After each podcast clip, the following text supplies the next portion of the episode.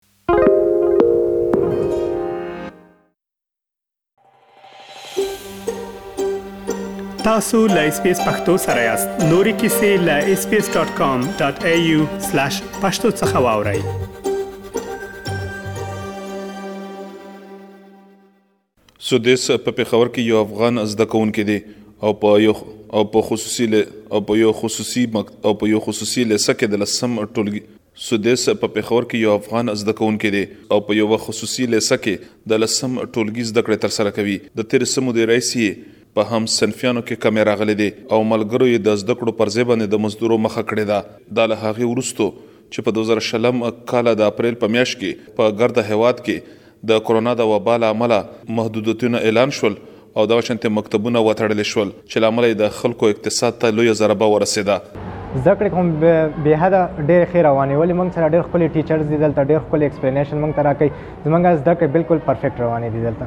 بالکل دا خو هر چا ته پته ده د کرونا د وجې نه هر څه ډسټرب شول خاص کر زموږ سټډي سټډي زموږ دونه ډسټرب شو چې بالکل موږ په د کرونا اول لهر دویم لهر کې دا نه ډسټرب شو چې څه موږ یادو بلکل هغه داسې شول موږ نه بیخي هر څه هیر شول ول چې څه ډیسټربنس شول څه کور کې مسلې شوې دا څه گیم شول څو سره موږ خپل گیمز وکړ نو سټډي موږ نه بلکل پاتې شو دې سره زموږ سټډي ډیره متاثره شو د کورونا سره اقتصاد بیخي ډاون کو ولې چې زه خپل تاسو ته خپل هغه وایم زموږ څلور پنځه میاشتې موږ په کور تیرې کړې زموږ خو به صرف داسې لکه پلارم سکار کولو هغه بیخي بندو اقتصاد هم بلکل زیرو راغلی ولې زموږ پرایویټ سکول مو فیسونه مو موږ ته فیس ورکول هم ډیر مشکل ویل چې خامخا چې اقتصاد بند شي کاروبار بند شي نو فیس به څنګه موږ ادا کوو دا اقتصاد کورونا د اقتصاد بالکل ډیره خراب کړل موږ لپاره ډاکټر نور په پیښور ناصر باغ لوی لار باندې د یوې خصوصي لیسې مدیر دی د تیرو دوه درشو کالو راهیسې د افغان زده کوونکو د زده کړو په برخه کې کار کوي دوی وی چې که څه هم د وړاندې نه د افغان زده کوونکو ستونزې په پاکستان کې ډېرې وي ځکه چې د تیرو سو کالو راهیسې د نړیوالو په مرسته باندې چې کوم مکتبونو کار کولو په هغې کې ډېری تړلې شوي دي او بیا په ډېر کم شمېر کې دغسې افغان زده کوونکي دي چې په خپلو پیسو باندې په خصوصي مکتبونو کې زده کړې ترسره کوي. د دوی په وینا چې ډېری افغان کډوال دغه شانتې دي چې د یوې ورځې په ګټه ګوټه باندې خپله کورنۍ ساتي او بیا دوی ته خپلو ماشومانو ته په پیسو باندې زده کړې ورکول یو مشکل کار وي. د ټول نه اول خو دا چې کوم افغانان دلته از ریفیوجي یعنی مهاجر دي اوسېږي دی کم چې د ریفیوجی هغه سټیټس او کم فیسیلیټي چې وي هغه ټول خو دی ته نشته مخکې دی ته راشنو دی له به هیلپ ورکولو یو ان نور نور داسې مؤسسات ورسره مددونه کول نو دی کورونه او شینه به په هغه باندې چلیدل خو تقریبا دا ډیر وخت شو چې دا ټول هیلپ او کوم آیډ چې دا په باندې بند شوی دي نو دغه افغانان چې کم په پیښور کې اوسېږي یا په پاکستان کې اوسېږي دا ټول په ډیلی ویجز باندې روزانه مزدوري کوي او په هغې باندې خپل کور خرچه خپل بچو تعلیم او د هغې ته فیسیلیټیز برابروي نو کله چې کرونا لاکډاون راغی نو معلومه ده چې ټول کم روزانه ډیلی ویج باندې مزدورانو کار کولو هغه خو ټول هر څه بند شول نو د دې په وجه باندې دغه د کور خرچې ته هم دی مشکلاتو نو د دې بچي او ماشومان ټول په کورونو باندې کېناستل او شپږ میاشتې لاک ډاون نه پس دی سره به دومره فیسیلیټي یا دومره افورډیبিলিټي نه و چې دی د خپل بچو دغه فیسونه ځکه چې په پیښور کې خو اوس کم د فری سکولونه د افغانانو لپاره نشته ټول میجارټي چې دی دا په سیلف فینانس باندې خپل ماشومان فیس ورکوي او هغې باندې چلیږي. بورډ بازار په پېښور کې د افغان کډوالو یو مرکز بلل کېږي. د ریاض کورنۍ د تېرو شلو کالو راهیسې په دغه یاد بازار کې د کتابونو دوکان لري، خو ولې اوس یې په دوکان کې یوازې د فوټوسټېټ ماشینونه پراته دي. دوی وي چې دغه شانتې په ګودامونو کې ډېری هغه کتابونه دي چې د افغان زده کوونکو لپاره راوړي وو، خو د تېرو څه مودې راهیسې یې اخیستونکي په نشت حساب شوي دي او همددې له کبله یې اوس یوازې په دوکان کې د فوټوسټېټ او د نورو څیزونو د خرڅولو کار پیل کړی دی. د شلو کالو نه موږ د کتابونو کار کوو افغانانو لپاره خدمت کوو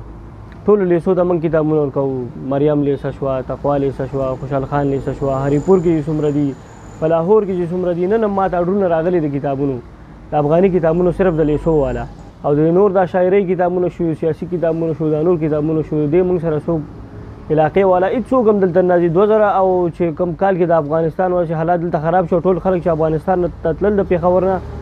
نو په پېښور کې تر اوسه پورې موږ سره کتابونه ډېر زیات پراته دي په کور کې ګودامونه موږ سره ډک دي خو څوک د کتاب په قصه کې نه دی او نه یې څوک کري ډېر ډېر موږ سره پراته دي موږ سره شته دا په سیټونو ته راوړه دا فارسي زبان کتابونه دي دا د دریم صنف کتابونه دي په سیټونو سیټونو موږ داسې تړلي دي او څوک یې په قصه کې نه دي بسداري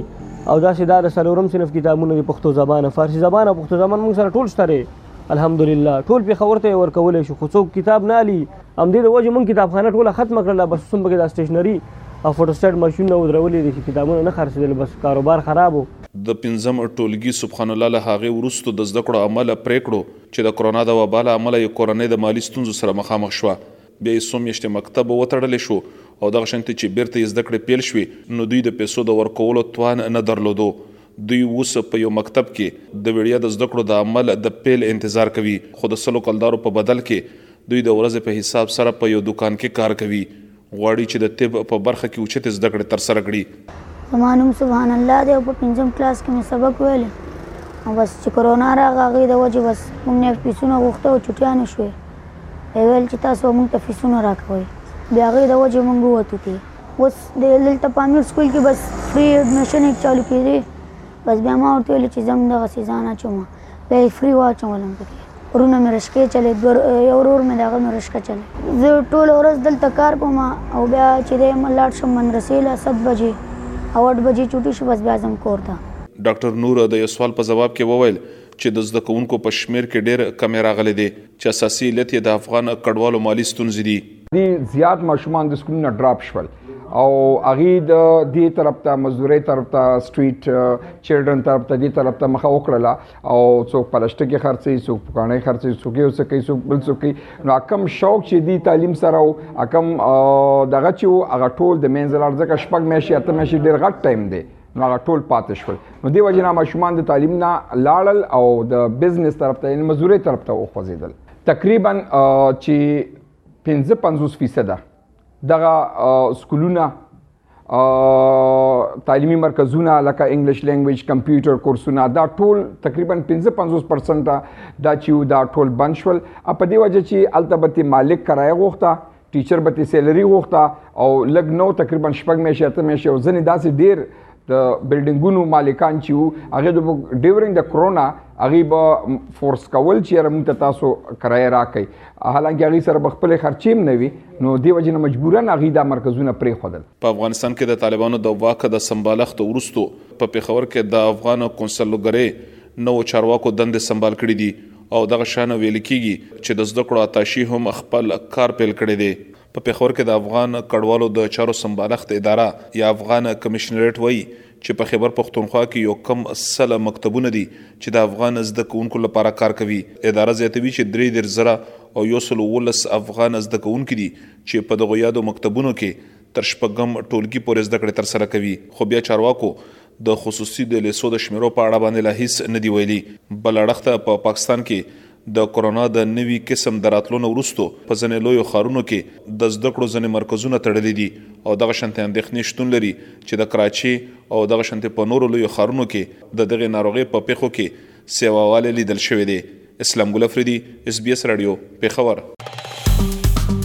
که غواړئ دغه سنوري کیسې هم او رینو د خپل پودکاسټ ګوګل پودکاسټ یا هم د خپل خاكي پر پودکاسټ یو اورئ